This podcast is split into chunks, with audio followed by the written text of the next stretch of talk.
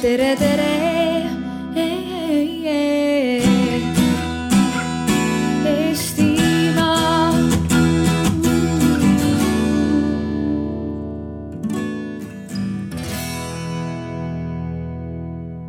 Vinks-vonks äh, pealkiri. aga kui nüüd täpsemalt vaadata, siis võiks küsida, et äh, mis asi tegelikult see on, see väärinfo, mida see tähendab, miks on meie sõnavabadus seetõttu ohus ja kes peaks seda kaitsma? et mul on väga hea meel, et mul on äh, täna äh, kolm väga pädevat oma ala inimest siin minuga neid küsimusi äh, siis arutama, keda ma ise väga hindan. esimene neist siis Kai Hermand, justiitsministeeriumi õiguspoliitika asekantsler kes on nüüd õiguse alal pea kõikide küsimustega tegelenud, varem pikalt kohtunikuna töötanud õppejõuna ja nüüd siis ka õigusloojana. ja alati siis on keskmes olnud küsimus sellest, et kuidas kõige paremini kaitsta põhiõigusi et viimastel aastatel siis eeskätt seadusandja vaatevinklist, muuhulgas siis ka Äh, küsimustes, mis puudutavad intellektuaalset omandit, andmekaitset ja tehisintellekti. ja teiseks on meil siin ka Karmen Turk, kindlasti kõikidel teada-tuntud äh, vandeadvokaat, kes äh, tegeleb meil sõna, interneti, ajakirjandusvabaduse rindel on kaitsnud nii Äripäeva vaidluses Tallinna linna vastu, on esindanud Delfit siis Euroopa Inimõiguste Kohtust Eesti riigi vastu ja osaleb siis ka mitmes rahvusvahelises organisatsioonis äh, ja samal alal just siis arutades ähm, andmekaitse ähm,, ajakirjandusvabadus ja internetivabaduse küsimusi ja last uh, but not least ei ole meil siin uh, Martin Smutovit, et uh, see on üks viga kes siis luges ilusti seda päevakava, vaid meil on siin Neeme Korv,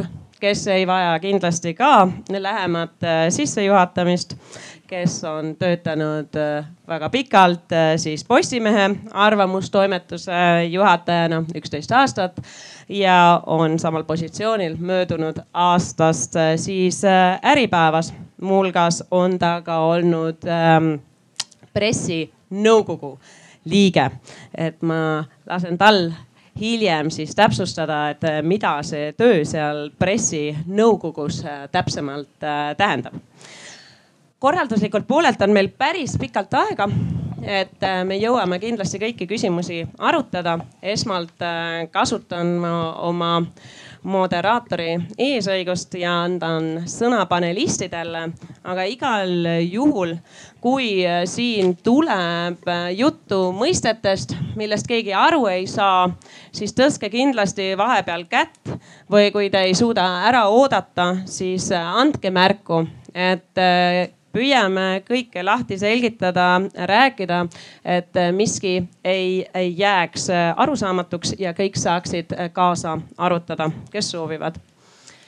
aga tulles äh, siis nüüd meie teema juurde ähm, tuli mul meelde üks äh, Facebooki pressiteade mis äh, liikus siin ringi viimastel päevadel. nimelt teatas Facebook, et äh, ajavahemikus aprillist juunini käesoleval aastal on nad äh, Facebookist ja Instagramist maha võtnud üle seitsme miljoni väärinfot sisaldava postituse koroonaviiruse kohta ja samuti pea saja miljoni postituse juurde pannud äh, nii-öelda valeinfo eest hoiatava märgi. küsimus, et äh, siis esmalt äh, meie seadusandja esindajale nii-öelda Kai Hermandile, et äh, kus siin tekib äh, nii-öelda seadusandjal tunne, et ta peab sekkuma, et, et mis asi see väärinfo on, mis on see valeinfo, mida siin Facebook maha võttis. et ma ei tea, kui mina nüüd järgneval ajal, ma ei tea, kui mina kirjutan oma Facebooki, et sööge küüslaugu, et see mõjub hästi immuunsüsteemile, et siis võib-olla ei jääda haigeks, muuhulgas siis ei haigestuda Covidi et kas ma siis pean tulevikus äh, minema, ma ei tea, vanglasse selle eest või millised äh, siis äh, need probleemid on, et, et kas ma nüüd nii-öelda ainult pean, peangi tõtt rääkima või mind karistatakse seaduse jõuga? aitäh. tere ma olen küll igasuguseid ameteid pidanud elus, aga seadusandja tööd ma veel ei ole teinud. võib-olla kunagi jõuan sinna ka aga ma paneks kõigepealt oma siis selle õppejõu mütsi või noh, rätiku praegusel hetkel siis äh, pähe ja, ja räägiks tõesti kaks sõna nendest mõistetest. Äh, mis äh, on mis ja, ja siis vaatame, mis on probleem ja kuidas siis seda reguleerida. ehk siis just nimelt väärinfo, valeinfo, desinfo, neid kasutatakse segamini, aga tegelikult on nad erinevad asjad ütleme siis see kõige, kõige kõrgem või kõige, kõige tugevam väljend oleks siis desinfo, eks ole. mis siis on äh, teadlikult valeinformatsioon, mille eesmärk on siis manipulatsioon eelkõige äh, kas siis seda kasutatakse majanduslikuks mõjutamiseks, poliitiliseks mõjutamiseks või, või mingisuguseks muuks mõjutamiseks. aga, aga see on tahtlikult mõjutamise eesmärgil tekitatud valeinformatsioon.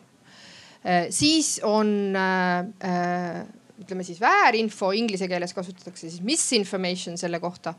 ehk siis see on tahtmatult valeinformatsioon või väärinfo siia alla lähevad kuulujutud, siia alla põhimõtteliselt läheb ka näiteks satiir, eks ole, mis on ju täiesti lubatud tegevus, eks ole Äh, aga siia alla lähevad ka siis kõikvõimalikud sellised äh, noh, möödarääkimised nii-öelda.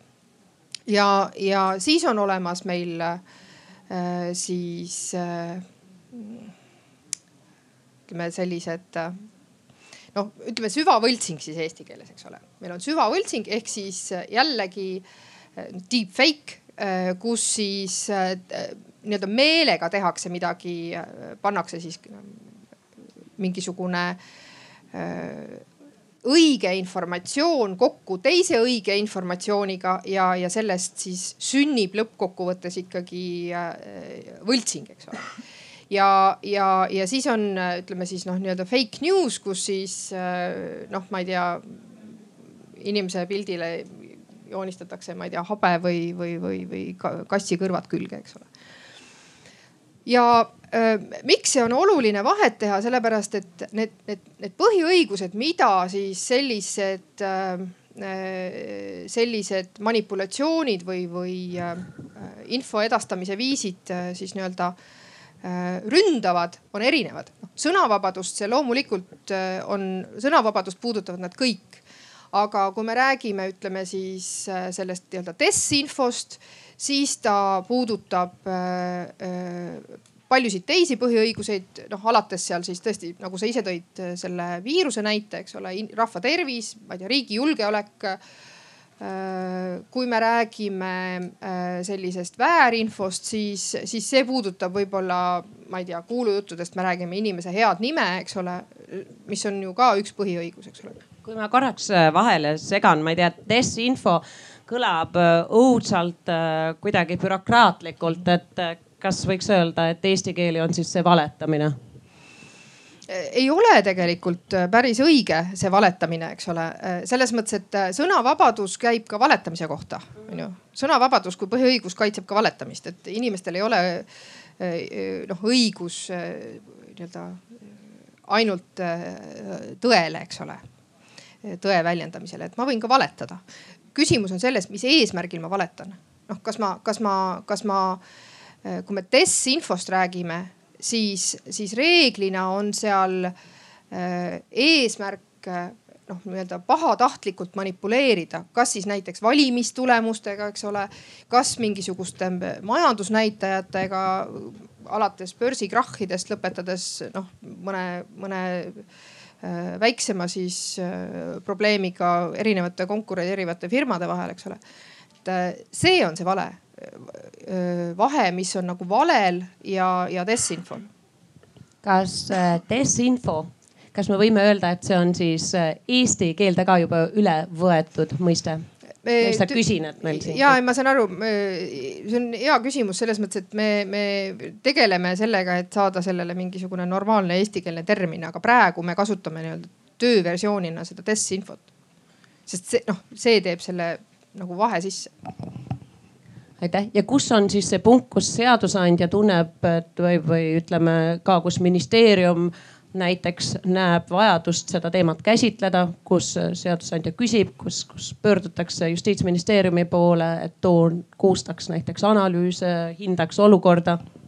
no aga see ongi see, kus põrku, ütleme see, see ajahetk või see hetk on, on, kus põrkuvad erinevad põhiõigused riigil on ju aktiivne kohustus tagada kõikide põhiõiguste nii-öelda kaitse, eks ole nii rahva tervise kaitse kui ka, kui ka sõnavabaduse kaitse, kui ka ma ei tea, kõlbluse kaitse, eks ole, et, et äh, kui me ütleme, et äh,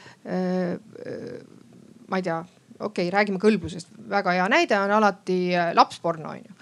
Et noh, keegi ei ütle, et see noh, on, on teema, mida riik ei võiks reguleerida, aga see on ka tegelikult sõnavabaduse piiramine, eks ole et, et me ütleme, et äh, teatud äh, pildimaterjali ei tohi äh, kasutada, sellepärast et meie ühiskonna nii-öelda see noh, ühiskondlik kokkulepe nii-öelda kõlblusest on, on, on selline, et, et, et me ei tolereeri sellist tegevust, eks ole.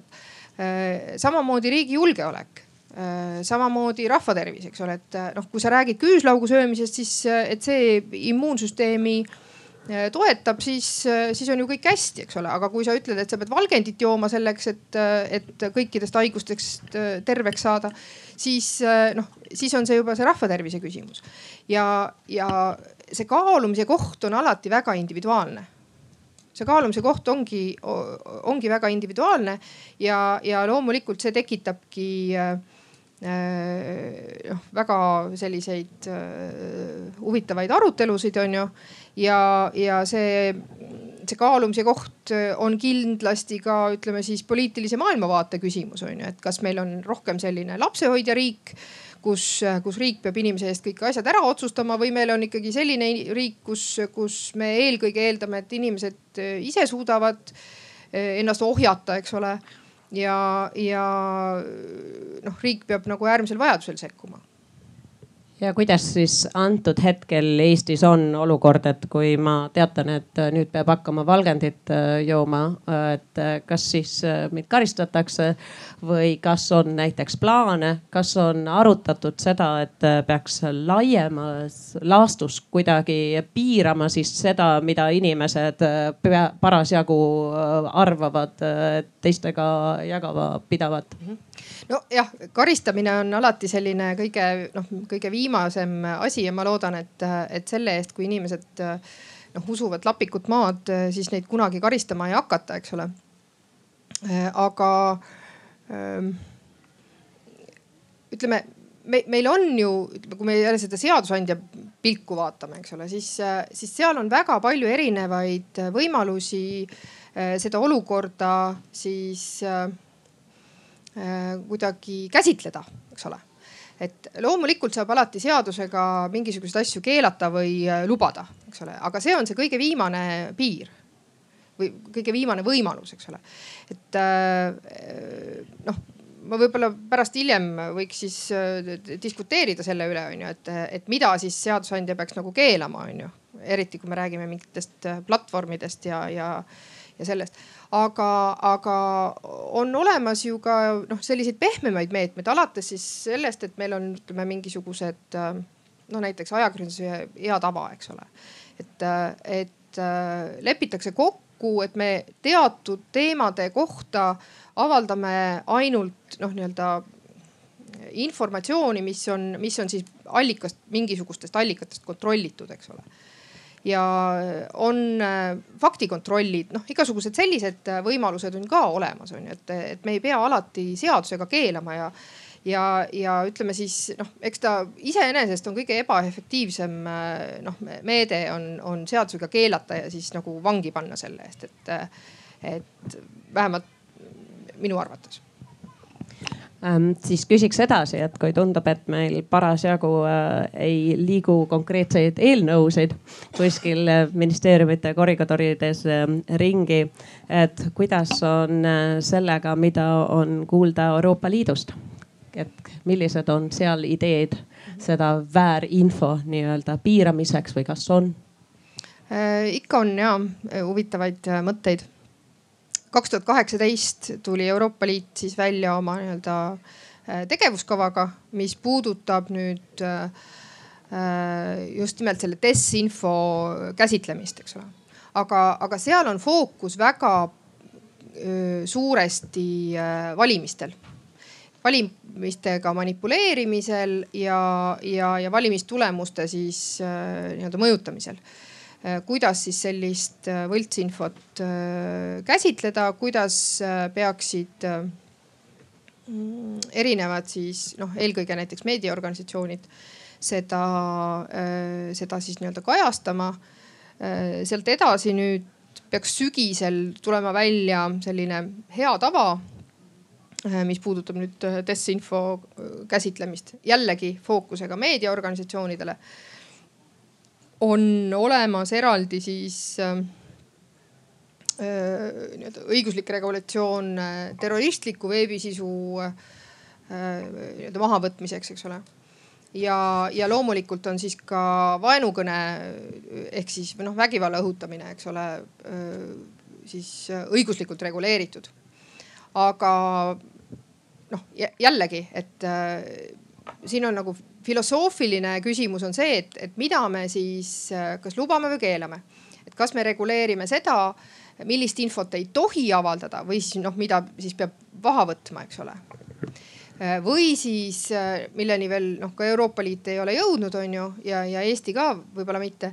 et millist informatsiooni me siis nii-öelda nõuame, et, et, et esitatakse, eks ole et, et praegu on siiamaani olnud äh, need äh, suundumused ikkagi sellised, et erinevad siis kas siis meediaorganisatsioonid või, või ka platvormid peavad maha võtma näiteks vägivalda õhutava äh, informatsiooni.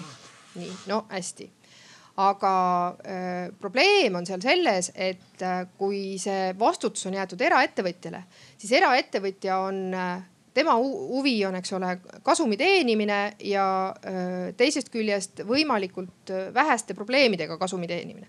kui ta, kui teda ähvardab mingisugune riigi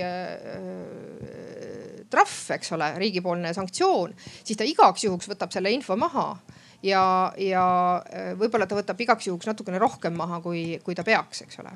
et noh, järgmine küsimus on see, et kas me peame hakkama reguleerima seda, et, et et äh, meediaorganisatsioonid siis äh, äh, seda sõnavabadust siis nii-öelda võimaldaksid, on ju. aitäh jah, meil on ju ka olemas Euroopa Liidu tasandil see tegevusjuhend jah, väärinfot käsitlev tegevusjuhend ka sellest aastast kaks tuhat kaheksateist, siis mille esitas komisjon, millega on liitunud siis suured nii-öelda platvormid Facebook ähm, Google äh, ja Twitter. ja kui me vaatame, siis äh, von der Leyen on ju nüüd uue komisjoni presidendina äh, ka öelnud et eesmärk on vastu võtta uus digiteenuste akt nii-öelda, et midagi ikkagi toimuks sel alal, et Karmen, kuidas sina seda näed, pigem kriitiliselt on meil vaja rohkem regulatsioone, peaksid need tulevad Euroopa Liidust, peaksime meie siin midagi tegema Eestis? oi jumal, kui raske küsimus, tere kõigile ja õhtul veel.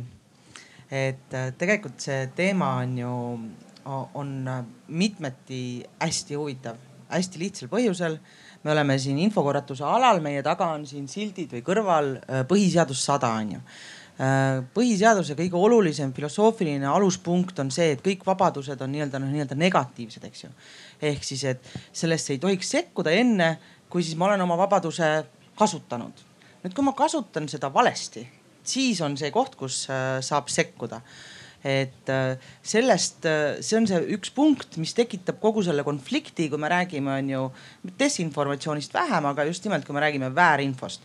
No sest väärinfo oma olemuselt ei ole üldiselt selline manipulatsiooni eesmärgil, see võib olla ju isiku vastu ja seal on meil hästi lihtne, seal on meil tsiviilmenetlus, mis äh, selle jaoks peaks isiku õiguseid kaitsma. kui me nüüd räägime tõesti desinfost, millest Kai rääkis kus äh, tihti me näeme taga teiste riikide agentide tegevust, äh, sellist organiseeritud tegevust. Noh, seal on äh, riigil palju vahendeid, kuidas sellega tegeleda. olgu need siis diplomaatilised, olgu need siis poliitilised, olgu need rahvusvahelisel, globaalsel, Euroopa tasandil noh, olgu need siis, et Facebook peab avaldama, kes äh, neilt reklaame ostab, et me saaksime kaitsta oma siis demokraatlikke põhiprotsesse, et me teaksime, kas valimisi kuidagi mõjutatakse. et selle jaoks on ju kõik vahendid olemas. nõus, info ülekülluses, ühelgi riigil ei jätku äh, võimu nende väheste vahenditega siis kogu aeg äh, sekkuda ja mida siis, kuhu, kuhu me sellega jõuame, ongi see, et noh, et kuna kogu internetis toimuv saab ju toimuda ainult eraettevõtluse omandi peal, on ju et infrastruktuur jah, osaliselt kuulub riikidele, ka infrastruktuur suuresti kuulub ju eraettevõtlusele ja kõik, mis sinna peale on ehitatud, samamoodi.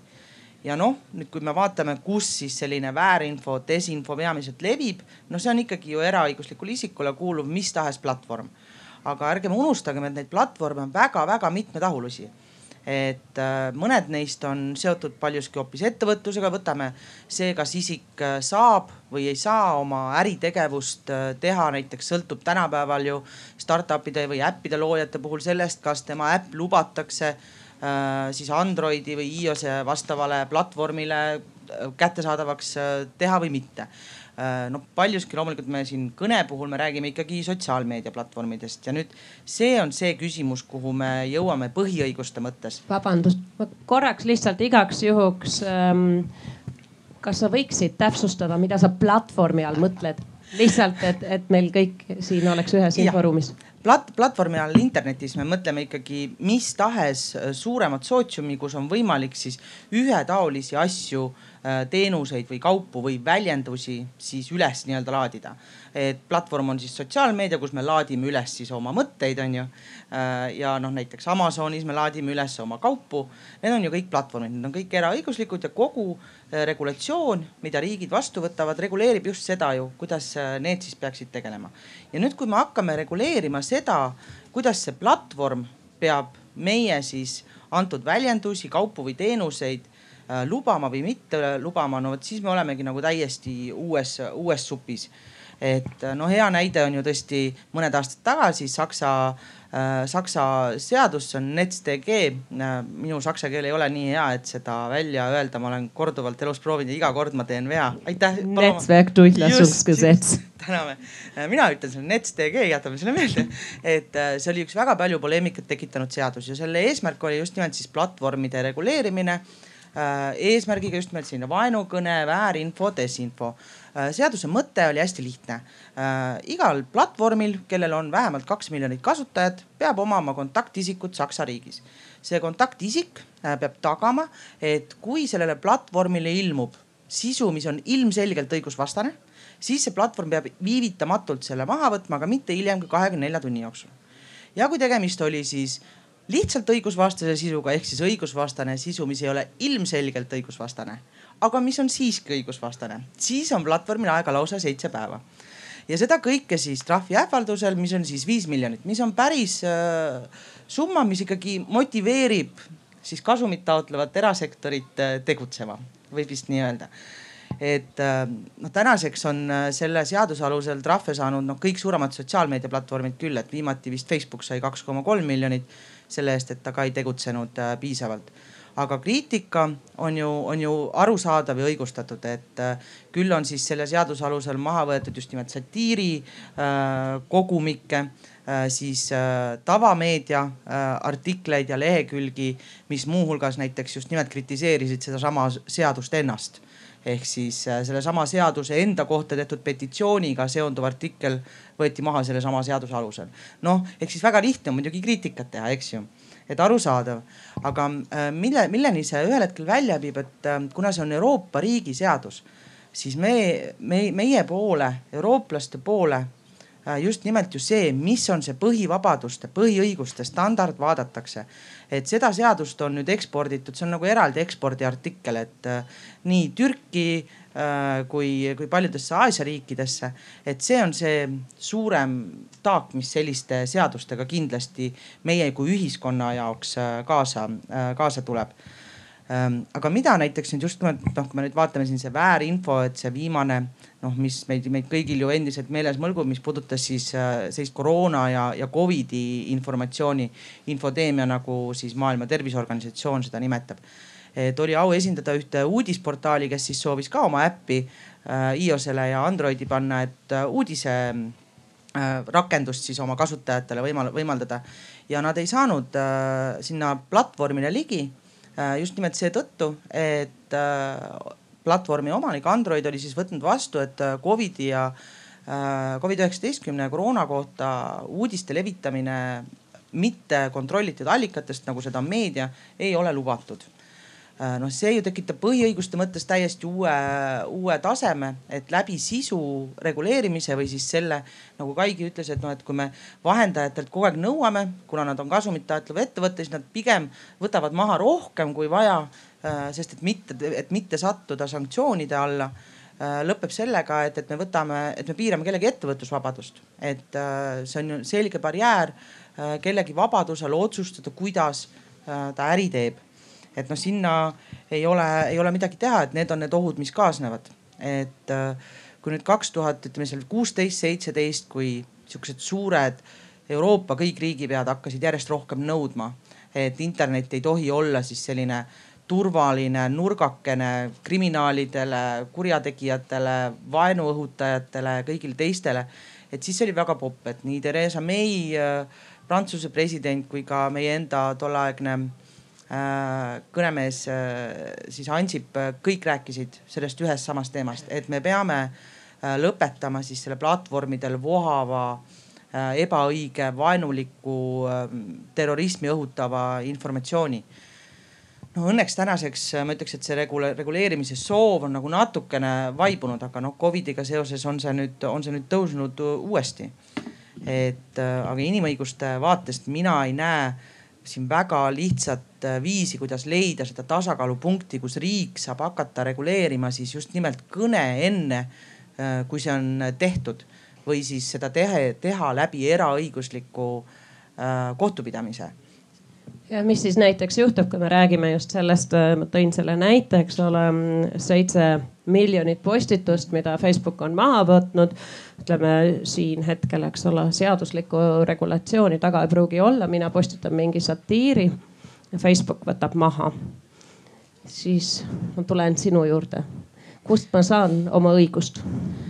mina annan sulle põhiseaduse ja loeme koos seda paragrahvi, mis ütleb, et tsensuur, tsensuuri ei ole Äh, ja siis sa lähed sama targalt välja, sest äh, paraku eraõiguslikel ettevõtetel täna ei ole äh, sellist kohustust, et nende süsteemid peaksid olema väga läbipaistvad, ehk siis sul on väga keeruline, praktikas on sul ikkagi väga keeruline teada saada, miks sinu kõne piirati. noh, aga nagu sa ütlesid, soovitasid siis vist küüslauku süüa ja valgendit juua jah. et noh, Facebooki noh lõpuks ei ole sulle tagatud inimõiguse standardist tulenev eeldus, et sinu üle saab kohut mõista ainult äh, selle riigi kohus, äh, kus sa pärined, äh, mitte aga eraõiguslik, eraõiguslik isik, millel ei ole ka korralikke apelleerimismehhanisme, ehk siis sul ei ole õigust tegelikult edasi kaevata ja sinu õiguskaitsevahendid ei ole riigi sunnivõimuga, riigiaparaadiga tagatud. Siis võiks ju kohe öelda, siis on vaja seadust, et siis peab selle kuidagi minu õiguse tagama kas see oleks lahendus? no lahendusi on erinevaid äh,. aga ma, ma ei, ma ei näe endiselt seda, kuidas äh, põhiõiguste äh, maastikul oleks võimalik äh, siis võtta vastu seadus. noh, Saksamaa on võtnud, noh Prantsusmaa on proovinud nüüd siin võtta, Inglismaa on proovinud võtta. aga need on kõik kriitikatulva all ja ma arvan, et põhjendatult, sest et seda kohta, kus siis nüüd seaduse alusel me saame öelda et äh, edaspidi seda, kes ja kuna, mida võib öelda, otsustab äh, eraõiguslik äh, ettevõte viivitamatult esimesel nõudmisel ei ole väga lihtne ei põhjendada veenvalt ega ka mitte veenvalt. aitäh, Neeme, sa näed, asi ja teema on väga keerulised. väärinfo, desinfo, kõiksugu info, igal pool ta on. kuidas on ajakirjaniku vaatest, mida teeb ajakirjandus, kuidas teie tagate, et teie info tegelikult on õigne, kuidas te saate selles infomüras üldse veel aru, millist infot kasutada? tere õhtust head inimesed. Ma siin kuulan suure huviga ja ma, nagu te isegi aru saate, siis mina olen siin nagu täiesti teisest maailmast, et istuda koos kolme õigusfilosoofiga on kindlasti huvitav ja arendav. aga äh, mina nende hulka ei kuulu ja, ja mina olen äh, üks tavaline ajakirjanik ajakirjanik on tavaline kodanik. Õnneks meil ei ole sellist äh, seadust, mis äh, paneks paika ja määratleks, kes on ajakirjanik ja kes ei ole.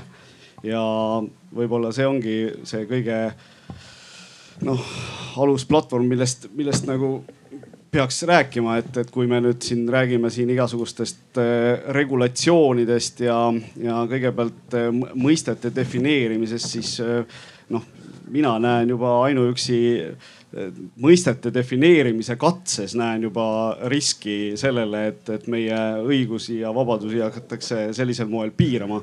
et ajakirjandus ei saa enam täita oma rolli ehk siis anda tõest ausat informatsiooni äh, ühiskonnale äh,.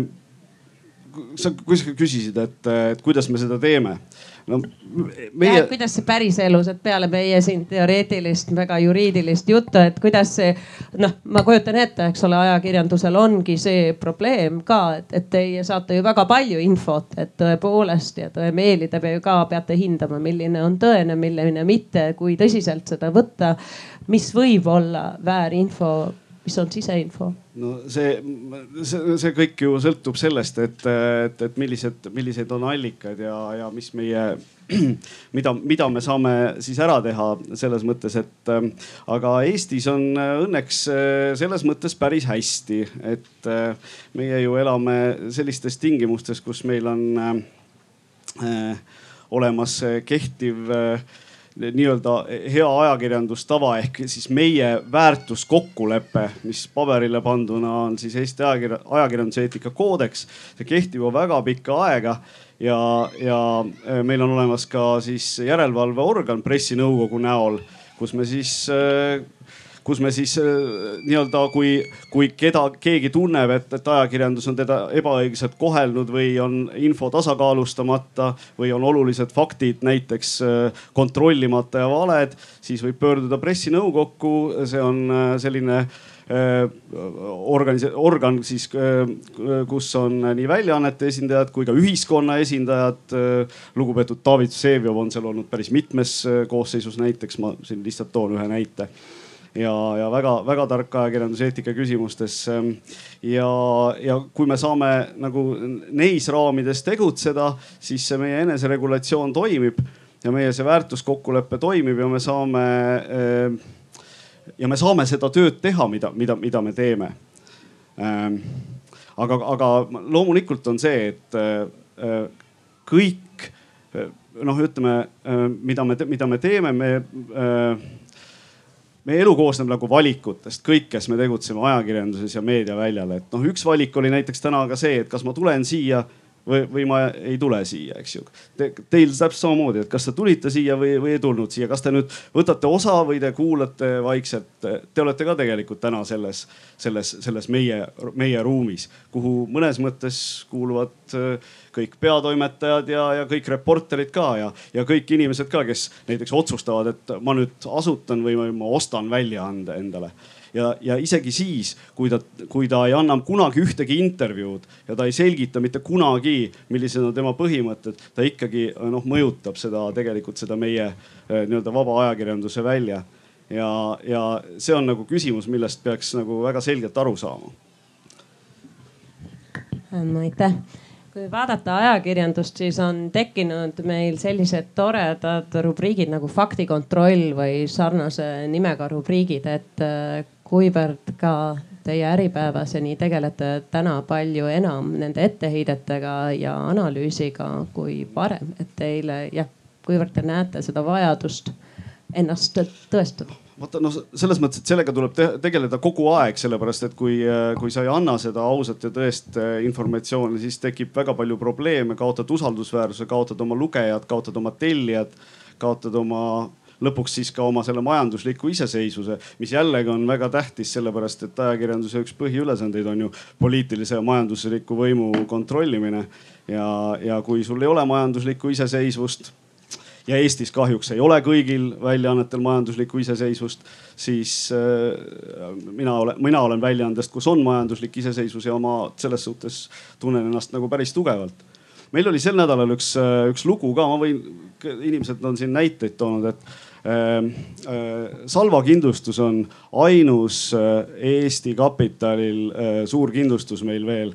Ja seal selle juhtkonnas on puhkenud äritüli seoses siis sellega, et, et see aktsiapakk on nii-öelda ühe kunagise strateegilise investori siis fondi ja, ja siis selle asutaja vahel enam-vähem pooleks jaotanud, seal on paar väikeinvestorit ka sees ja me kirjutasime sellest äritülist ja, ja meile tuli ka siis nii-öelda äh, üsna terav vastukaja sealt siis fondi esindajalt, me avaldasime ka selle.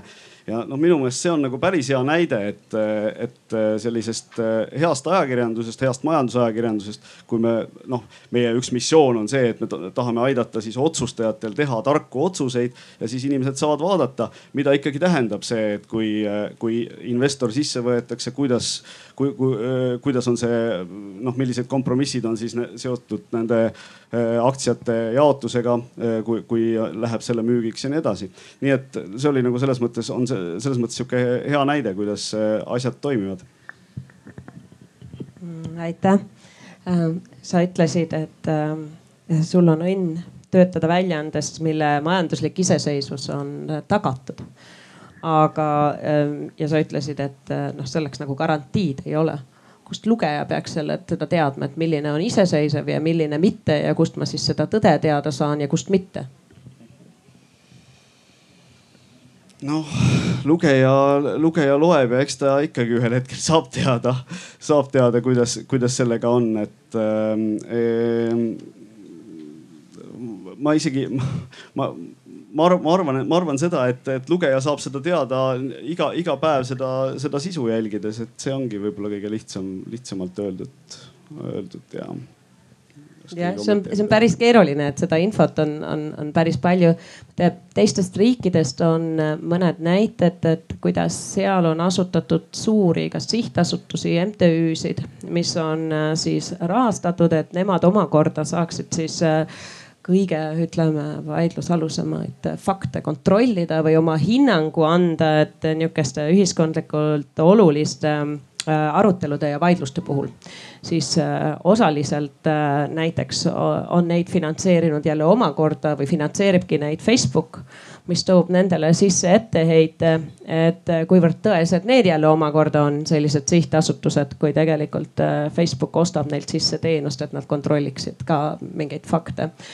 siis on jälle omakorda öeldud, et siis peaks võib-olla riik looma mingi nii-öelda institutsiooni, kus saaks midagi sellist kontrollida, et annaks, mida teie võib-olla siin igaüks teist hindab, et, et kus siis see tõesuse monopol on? annaks jumal, et riik looks nagu võimalikult vähe, annaks jumal, et, et, et meil oleks see info ikkagi võimalikult avalik, sellepärast et, et igal inimesel, igal kodanikul peab olema äh, nagu õigus saada seda informatsiooni. jah, ajakirjan-, ajakirjanikel on see töö, aga tegelikult me ju töötame iseenesest avalike allikatega me ei, me ei käi kuskilt midagi, midagi varastamas ja pihta panemas.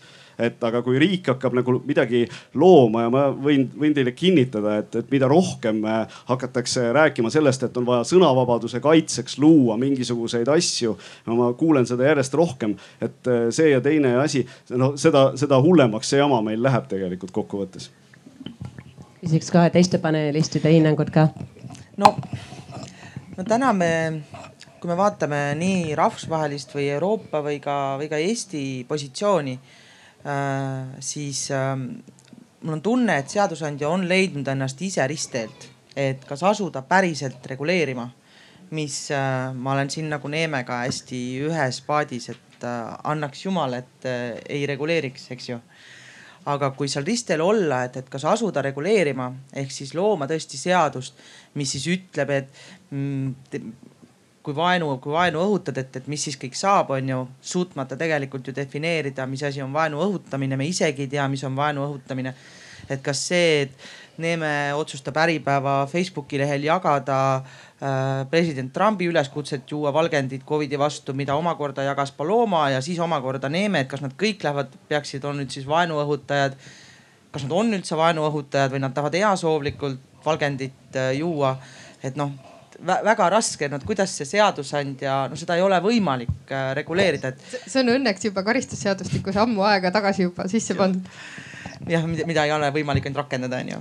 jah et äh, eks see vaenu õhutamine lihtsalt, mida, mida vähem me reguleerime ikkagi seda kõne päris sisu, seda parem kindlasti aga ma ei ole siin sellega nõus, et ma arvan, et need üleskutsed, mis on tulnud ka enamustelt rahvusvahelistelt organisatsioonidelt, kuidas, mida siis see riik, mida, mida riik tegema peaks, et nad midagi ju peab tegema. sest õige on ju see, et tõepoolest riigi kohustus on tagada kõigi põhiõiguste äh, olemasolek ja, ja austus äh, nende vastu, et, et mida siis teha, et siis tõesti näiteks ka Euroopa Nõukogu oma viimases soovituses soovitab ikkagi neljakümne seitsmel liikmesriigil just nimelt, et äh, olla ja ta, toetada meediat sõltumatut meediat, mitte selle jalgealust nõrgendada ning toetada kas nüüd siis ise teha, aga toetada just nimelt seda faktikontrolli, et oleksid olemas kas siis sihtasutused, MTÜ-d, ajakirjanikud, äh, kes pidevalt äh, abistaksid siis äh, faktide kontrollimisel, sest info ülekulluses ei ole võimalik inimestel enam ise minna ja aru saada, et kas see oli nüüd Onionist pärit libauudis või mitte ja ma arvan, kolmas kõige olulisem soovitus, mis nagu Euroopa Nõukogust on nüüd tulnud, on küll, et ikkagi riigid peaksid tagama, et selline meedia lugemisoskus, meedia kontrollioskus oleks ikkagi põhikooli äh, juba õppekavades äh, sees, et, et see ilma selleta selline oskus infot töödelda, otsida, kontrollida on sama tähtis äh, kui vähemalt kui bioloogia, keemia ja füüsika. noh, selle üle võib muidugi vaielda, aga ja no ma olen alati nõus rusikat püsti põhiõiguste äh, kaitsel sõna võtma, aga, aga no olgem ausad, teisest küljest ähm, kui me räägime ka siis noh, põhiseaduse mõttes või ka Euroopa Inimõiguste äh, konventsiooni mõttes, siis tõesti riigil on aktiivne kohustus põhiõigusi tagada, aga see ei tähenda seda, et inimesed võiksid nagu oma mõistuse kotti panna ja, ja, ja öelda, et noh, meie ei tea midagi. Äh, see, see põhiõiguste tagamine hakkab ikka iseendast pihta, onju. et, et me tegelikult ju kaalume neid äh, kaaluvihte iga päev. seda, et üks põhiõigus versus teine põhiõigus, eks ole. Äh, ja, ja selles mõttes kogu see nii-öelda reguleerimine, ma ei mõtle siis nagu õiguslikku reguleerimist, vaid, vaid selle ühiskonna toimimise reguleerimine hakkab ikkagi pihta meie enda peas ja hakkab sellest, kuidas, kuidas meid tõesti siis on õpetatud, kas meil on, on lubatud valida nelja-aastasena, et kas ma lähen nagu roosa kleidiga lasteaeda või nagu rohelise kleidiga või siis on öeldud, et kõik lähevad rohelise kleidiga ja keegi ise ei mõtle, eks ole. ja hakkab sealt pihta ja, ja, ja lõpeb siis sellega, et et, et seadusandja on andnud äh, inimesele siis need nii-öelda need eraõiguse tööriistad kätte, eks ole, et kui keegi minu äh, kohta halvasti kirjutab, siis ma ei ütle mitte, et, et politsei peab äh, seda menetlema ja inimese peab vangi panema, vaid, vaid ma ise otsustan, et minu head nime on, on rikutud ja ma lähen selle inimese vastu siis äh, kas kohtusse või siis esitan äh, ajakirjanduse vahe, vahendusel noh ise oma vastulause, eks ole ja. alustada võiks ikka sellest, sellest teisest. no võiks, võiks küll jah. No. kõigepealt võiks ikka väljaandega suhelda, siis minna pressinõukokku ja siis kohtusse eks. ja aga noh, selles mõttes, et see on inimese individuaalne valik, et millist, millist muidugi. võimalust ta kasutab, onju. ja, ja, ja loomulikult on, on võimalik noh, igasuguseid seaduseid on võimalik kirjutada, onju. vähe targemaid ja rumalamaid, eks ole, ja selliseid, mis, mida saab rakendada ja selliseid, mida ei saa rakendada, eks ole. aga, aga siis äh, noh, minu arvates töötavad tegelikult palju paremini just nimelt need pehmed meetmed. loomulikult mingisugused asjad on vaja seadusega paika panna, sel noh, selle suhtes ma nagu äh, olen, olen veendunud, et, et sellel õigusraamistikul on, on teatud äh, mõju, eks ole. ja, ja noh, ta peab seal olema, aga, aga kindlasti on äh, noh, kõik hakkab ikka inimesest endast peale ja üks võimalus tõesti on siis neid faktikontrolli mingisuguseid võimalusi äh, kasutada. Äh, aga, aga minu arvates on äh, noh, hoolimata siin sellest kogu sellest sõnavabaduse teemast on, on tegelikult üks noh, väga oluline küsimus, mida me oleme mõnevõrra siin puudutanud, aga mitte võib-olla piisavalt, ongi just nimelt see, et, et tänapäeva maailmas äh, on, äh, on sama suur, ütleme, võim ja võimalused, äh, kui on riikidel erinevate nii-öelda sunnimeetmetega sekkuda inimeste ellu on, on veel paremad võimalused võib-olla erinevatel äh, eraõiguslikel äh, institutsioonidel või, või või korporatsioonidel sekkuda inimeste ellu, eks ole. ja, ja siin on minu arvates täiesti nagu uus õigusfilosoofiline noh küsimus, eks ole, või, või lähenemise küsimus, et, et kas riik peaks tegelema ainult siis nii-öelda riik versus indiviid ja ma ei mõtle siin nagu vastandust, vaid reguleerima suhteid inimene ja, ja riik või kui, kui teatud mingisugustes küsimustes selle nii-öelda riigi asemele on asunud eraõiguslik juriidiline isik, siis kas peaks tegelikult, kui tal on samasugune mõju inimese elule, kui on riigil, siis kas peaks seda suhet reguleerima?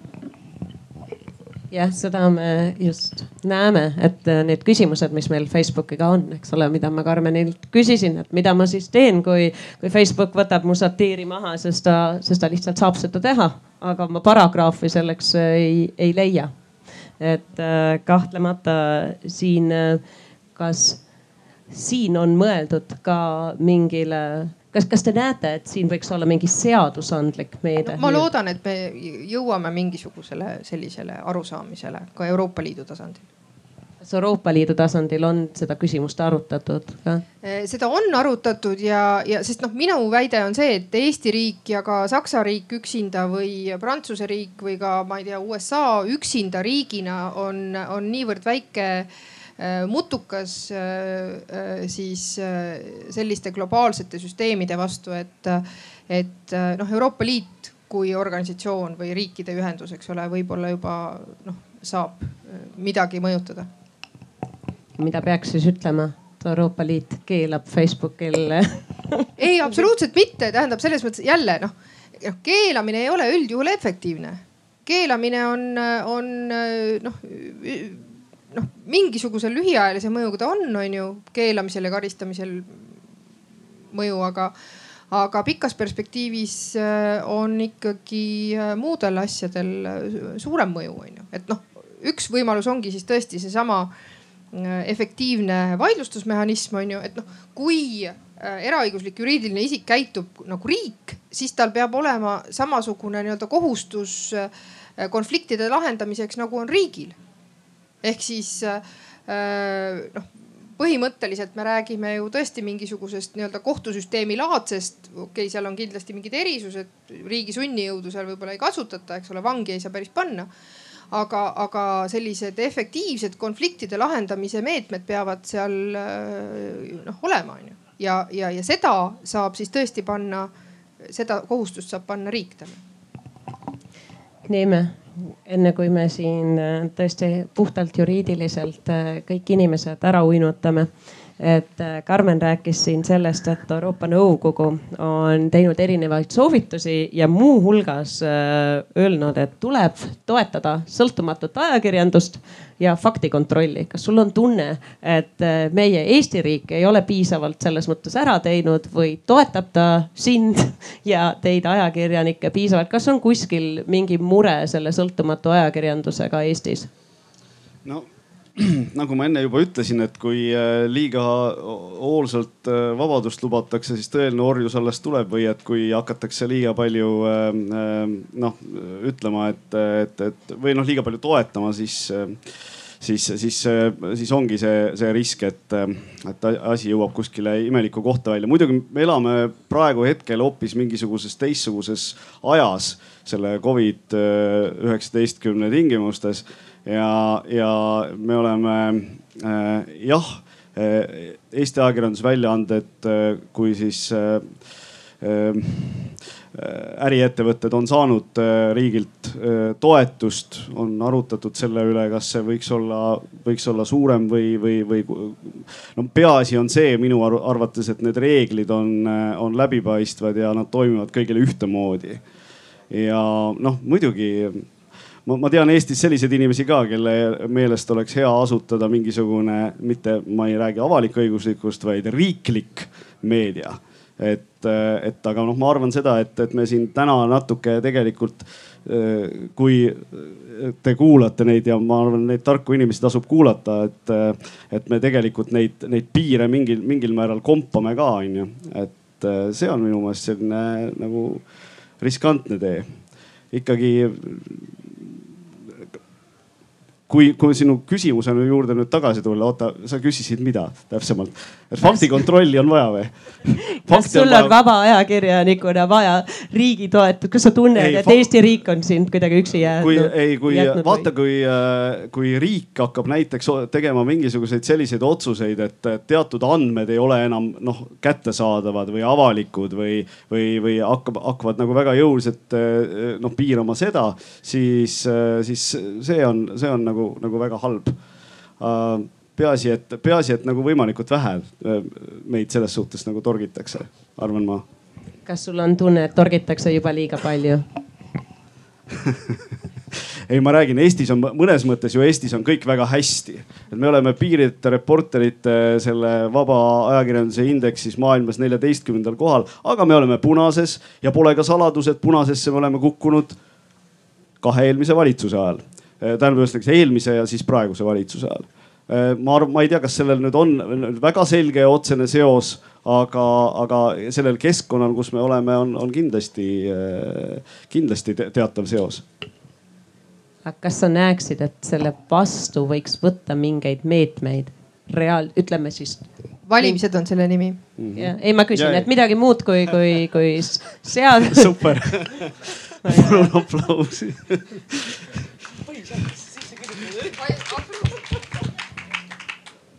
aga kui inimesed valimistel valivad. Äh, ja ei no inimestel peab olema õigus valida, keda nad tahavad.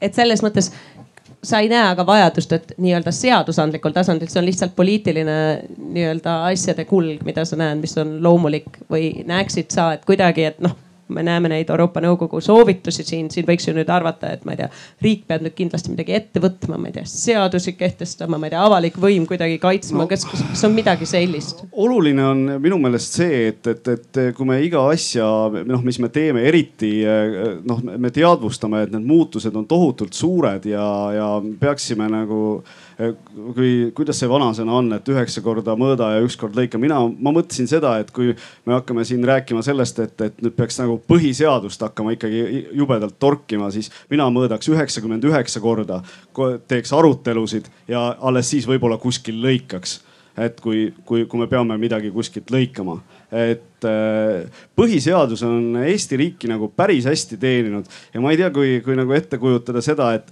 et äh, et mingisugused teatud, teatud piirangud, mida noh, nüüd võib-olla läheb see natuke sellest muust jutust välja, aga, aga et noh, mingisugused teatud piirangud või mingi, mingisuguste vähemuste eh, nii-öelda selgem paikapanek või kõlbeliste küsimuste täpsem fikseerimine või midagi sellist tooks meile nagu parema sõnavabaduse, parema majandusliku jõukuse ja nii edasi, siis andke andeks, mina seda küll ei usu Karmen, mida sina arvad, kas seadusandja peab midagi tegema, et paremini tagada meie meediavabadus või on see kõik meie endi kattes? Eestis no,? ma arvan ja, et meediavabadusel ei ole nagu seadusandjaga, ei tohikski muud pistmist olla kui seda, et seadusandja peaks äh, tõstma käed ja ütlema, et äh, tehke et äh, see peakski täpselt nii olema, mida, mida saab ja noh, on ju ka palju arutletud, on seesama meedia, ütleme koondumine teatud kontsernide kätte, et, et tagada just nimelt seda sõltumatust ja eelkõige just nimelt majanduslikust võimust, nagu sa ka ise ütlesid. et kas nüüd Eestis peaks midagi hakkama seal tegema, noh väga-väga-väga keeruline, ma ütleks, et ei, et äh, ma arvan, meedia saab suurepäraselt hakkama. mida ei tohiks lubada äh,, aga mis on jällegi meis igaühes endas kinni, see on meie äh, lastetuba ja see, mida me lubame iseendale öelda.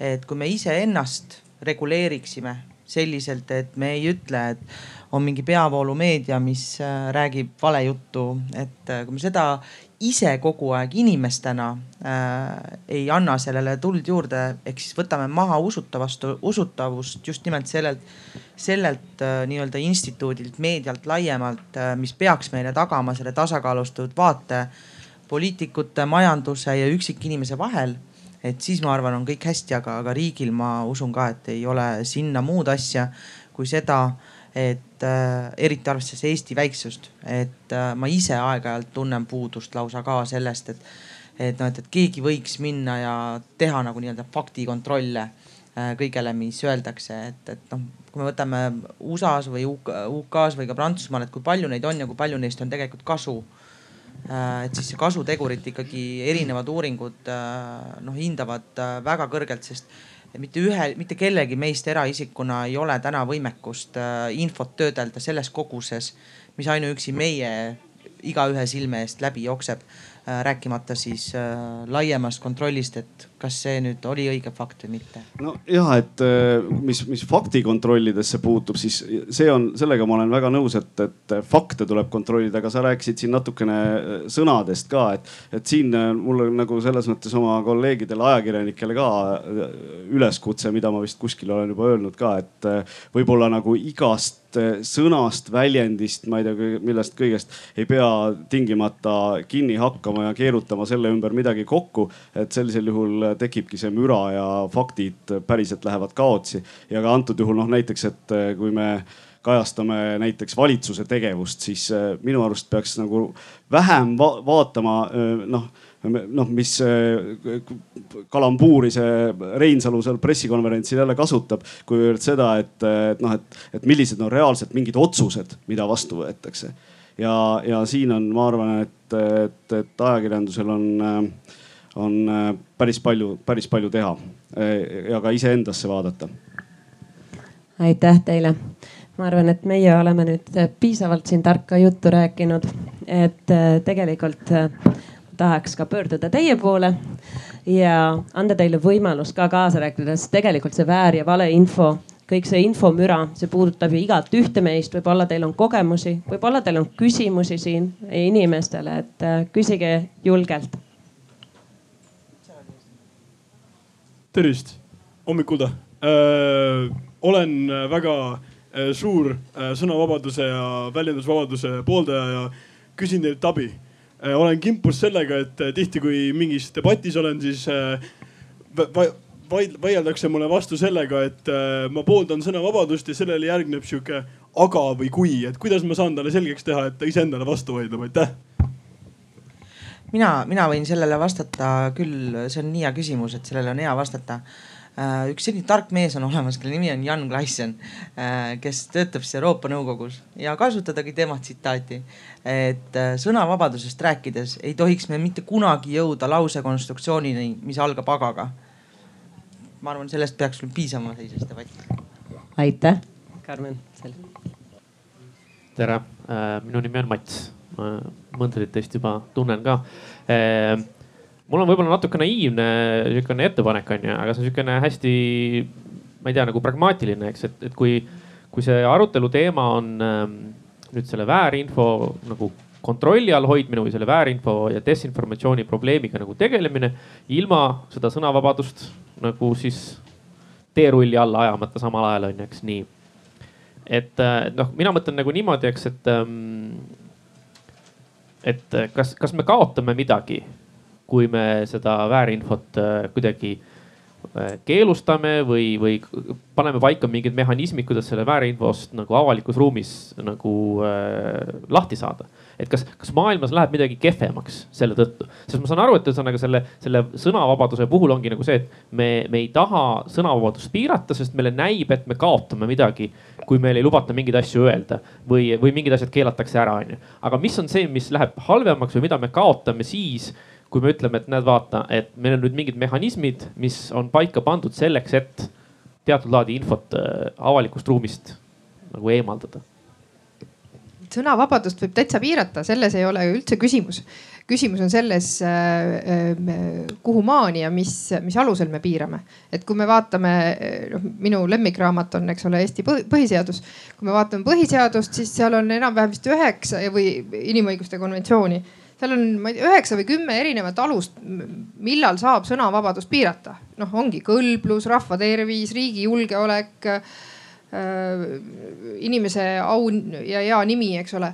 aga, aga ja kui me räägimegi põhiõigustest, siis noh, põhiõigused ei ole hierarhilised ja nad ei ole üldjuhul ei ole ka absoluutsed, noh õigus elule on absoluutne, eks ole, et ja, ja veel noh, mõned üksikud, üksikud põhiõigused on, on või vabadused on absoluutsed, aga üldjuhul nad on noh, nad on ühel pulgal. Ja alati, kui, kui on mingi nii-öelda reguleerimise küsimus või ka konflikti küsimus, siis ongi, et üks põhiõigus põrkub teisega.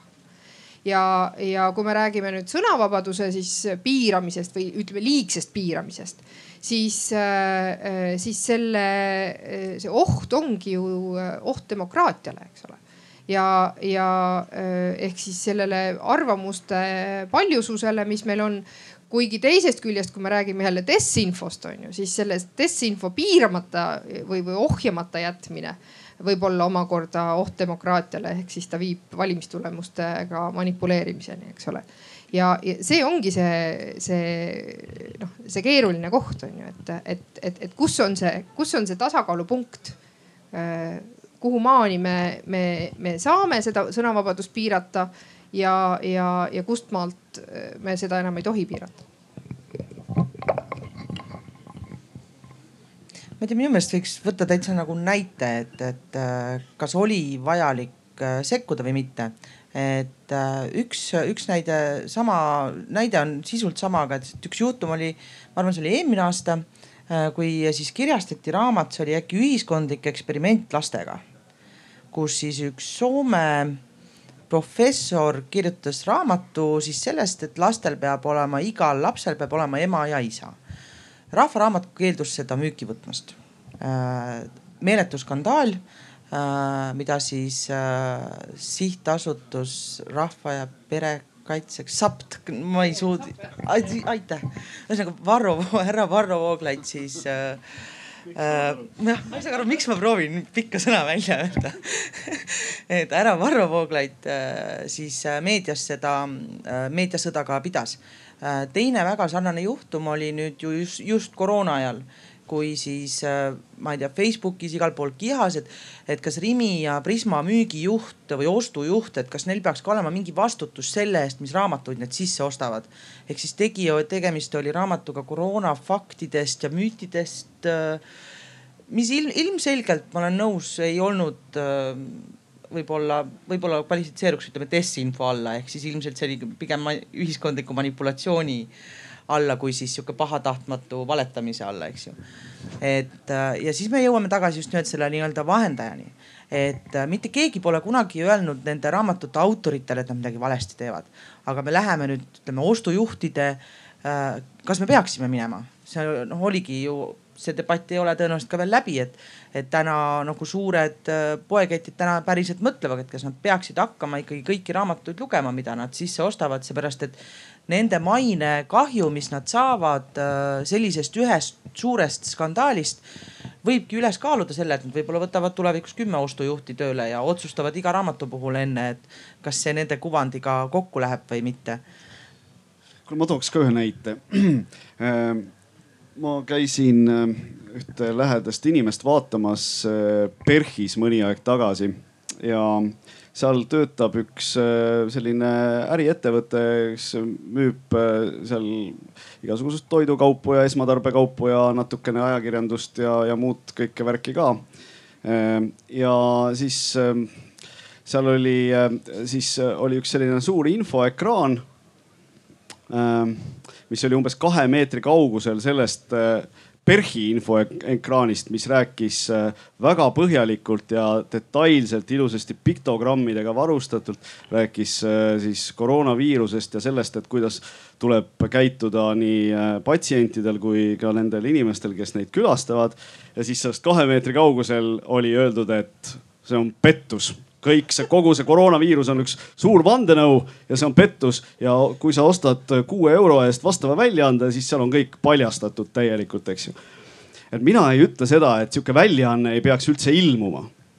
nagu mina oleks selle haigla juht, siis ma arvan seda, et ma teeks küll lahkelt sellele eh, müügiketile ettepaneku, et nad seda reklaami seal ei näitaks.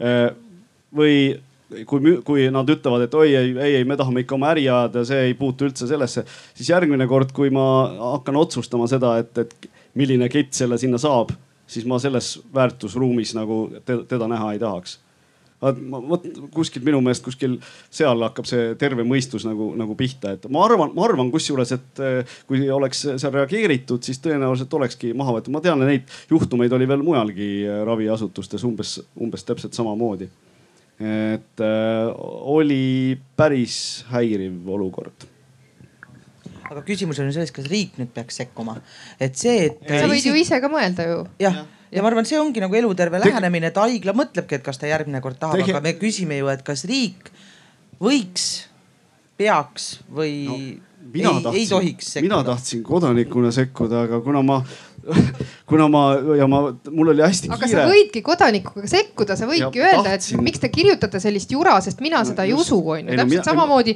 nagu sa võid vaadata õhtul televiisorist Selgeltnägijate tuleproovi, vist on selline saade olemas, mina ei ole seda kunagi vaadanud, seepärast et see ei paku mulle huvi, onju. ja noh, minu valikuvõimalus ongi see, et kas ma lulitan selle telefoni või te televiisori sisse või mitte, eks ole, et, et noh aga sõnavabaduse see teine pool ongi see, et, et sõnavabadus noh katab ka seda, mida sulle ei meeldi vaadata või, või, või mis sind häirib. Ja. aga, aga see ei tähenda seda, et sa võid ise oma mõistuse koju jätta. no ei, no ongi see, mul tegelikult mõistus oli kõik olemas, aga mul lihtsalt oli see, et, et telefon telefon, millega ma hakkasin sellest asjast pilti tegema, et, et noh, et mul oleks olemas nii-öelda näidis, siis vedas mind alt ja see oli, oli, oli ebaterav ja ma olin sunnitud selle pildi ära kustutama, aga selle ma avastasin alles pärast hiljem.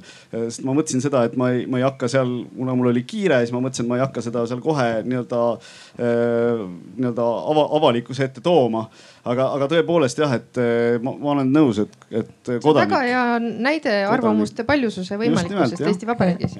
Ma julgen ka öelda, et kui me räägime sellest, et mida me siis kaotame sellest, kui me sõnavabadust piirame, siis me peaksime olema võib-olla ettevaatlikud, sest me räägime ikkagi sellest, et me täna elame väga vabas ühiskonnas ja me nimetame seda demokraatiaks ja see tähendabki, et igaüks meist tohib veel arvata, mida ta tahab ja samas peab ta ka tolereerima, et teisel on oma arvamus, et kui meil seda kunagi enam ei ole siis me võime tagasi minna ühte aega, mida me ei taha võib-olla endale väga tagasi, et äh, hetkel me räägime sellest jah, siin vabas ühiskonnas, aga kui keegi hakkab otsustama, mida me öelda tohime või mitte, siis jah sõnavabadus käib käsikäes demokraatiaga ja igaühe meie vabadustega. küsimusi on veel? ja tervist. võtaks ühe kaasuse nagu juristide keeles siis ette, et, et mõned riigid on äh, kriminaliseerinud holokausti eitamise. sealhulgas Saksamaa, Austria, arusaadavalt, miks. on räägitud ka kommunismi kuritegude eitamise kriminaliseerimisest. ja, ja samas on, on arvamusi, et, et, et, et seda ei peaks tegema. sest et noh, sel juhul peaks kriminaliseerima iga õuduse ja, ja lolluse eitamise, on ju. et mis te sellest arvate? Iseenesest äh, on ju äh, see, milliseid äh, tegevusi me kriminaliseerime või mitte, väga palju seotud ikkagi kultuuriruumiga, eks ole.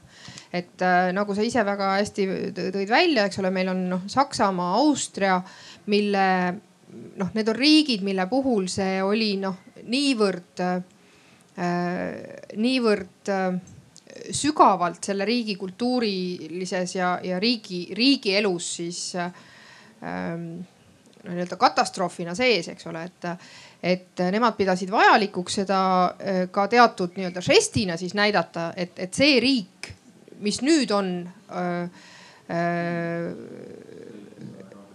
ei ole üldse nõus kõikide nende äh, tegevustega, noh, mis eelmisel äh, nii-öelda riigina või eelmises riigis äh, siis samal territooriumil toimus, on ju. et, et see on kindlasti üks mm, noh, üks aspekt seal. teisest küljest noh, mina ütleks nagu, kui me filosoofilisemalt läheneme, siis siis vaenu õhutamine ongi ongi ju paljudes riikides kriminaliseeritud ja, ja, ja see, kas seda vaenu õhutamist äh, nähakse selles, et, et äh, mõnele inimesele joonistatakse jumala nägu pähe ja öeldakse, et see on vaenu õhutamine või siis, või siis, et äh, me ülistame mingisuguseid inimesi, kes on kes on, vastutavad väga paljude teiste inimeste surma eest, eks ole, siis see on, see on kultuuriline küsimus. Ja, ja ma arvan, et siin ei saa anda, ütleme sellist äh, rahvusvahelist juhist, ütleme, et ma ei tea, Euroopa Liit ütleb või, või, või, või Euroopa Nõukogu ütleb, et, et sellised või teistsugused tegevused peavad olema kriminaliseeritud. see on, see on väga sügavalt äh, konkreetse riigi nii-öelda kultuurilise ja, ja riigi arengu äh, küsimus. mulle ka selles mõttes, et see, mis Kai ütles, on ju, on, on, ongi õige äh,. aga kui sa nüüd küsid, et kas selline seadusel on nagu kvaliteet. Noh, seda võib juba küll palju tugevamini vaielda, et, et no võtame näiteks Ungari, kus on samamoodi siis kommunismi sümbolite, ütleme siis esitlemine, levitamine, kandmine on ju on kriminaliseeritud. et no neid vaidlusi on neil olnud kohtutes äh, rohkem, kui suudavad kokku lugeda, sest sest ega see, et on viisnurk on kommunismi sümbol, see on ka, oli ka töölispartei äh, sümbol ja siis oli see veel, veel ühe asja sümbol ja siis veel. et ega alati on ju oluline kontekst. et äh, noh, et kui mingit sümboolika minna nagu päris nagu väljenduse vormi kallale et öelda, et mingis vormis väljendus on äh, kriminaliseeritud, siis noh, selle seaduse kvaliteet on juba eos eelduslikult nii halb, et see toob kohtutele rohkem, rohkem tööd ja kindlasti ka kuritarvitusi noh, võimaldab juba oma iseenesest, sest äh, sümboolika on lõpuks sümboolika. Neeme, julged sa naistele oponeerida? On sul? ei julge väga hea. ma arvan, et enne kui me kõik nõrkame, kas kellelgi on veel mõni küsimus, viimane või kommentaar, kogemus väärinfoga? mina isiklikult siin käsi ei näe. nii et ma tahaks lõpetuseks anda lühidalt sõna panelistidele. kolmkümmend sekundit igaühele. Et kui me vaatame, et meie paneeli pealkiri oli, et kuidas ohjata väärinfot hoides sõna vaba. mida on meil Eestis vaja teha järgmise aasta jooksul et äh, seda garanteerida, et meil see sõna piisavalt vaba püsiks ja samas väärinfo ei vohaks? No mina hakkaks iseendast peale, vaataks, mis ma nagu suust välja ajan. Ja seda saab iga inimene ise teha, et äh, mida ta, mida ta räägib ja, ja mida ta usub, eks ole. just needsamad, et äh, noh, kas panna see aga sinna lõppu või mitte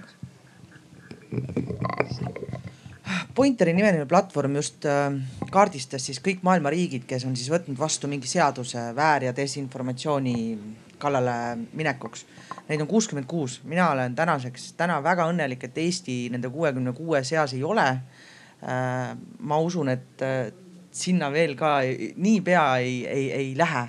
et aga sinu sellele, et küsimusele, et mida me saame teha, et väärinfo ei vohaks väärinfo on vohanud täpselt nii kaua, kui inimesed õppisid omavahel äh, häält kasutades suhtlema. tõenäoliselt juba ka enne, äh, ka joonistuste kaudu ilmselt oli võimalik väärinfot levitada. et ma arvan, see on vohanud alati, vohab ka tulevikus. et äh, see, kuidas me tegeleme manipulatsioonidega, mis käivad riigi demokraatlike protsesside vastu, see on üks küsimus, aga väärinfo ma arvan, rikastab meie kultuuri ja õigusel selle reguleerimisel üldse pole vaja nina pista.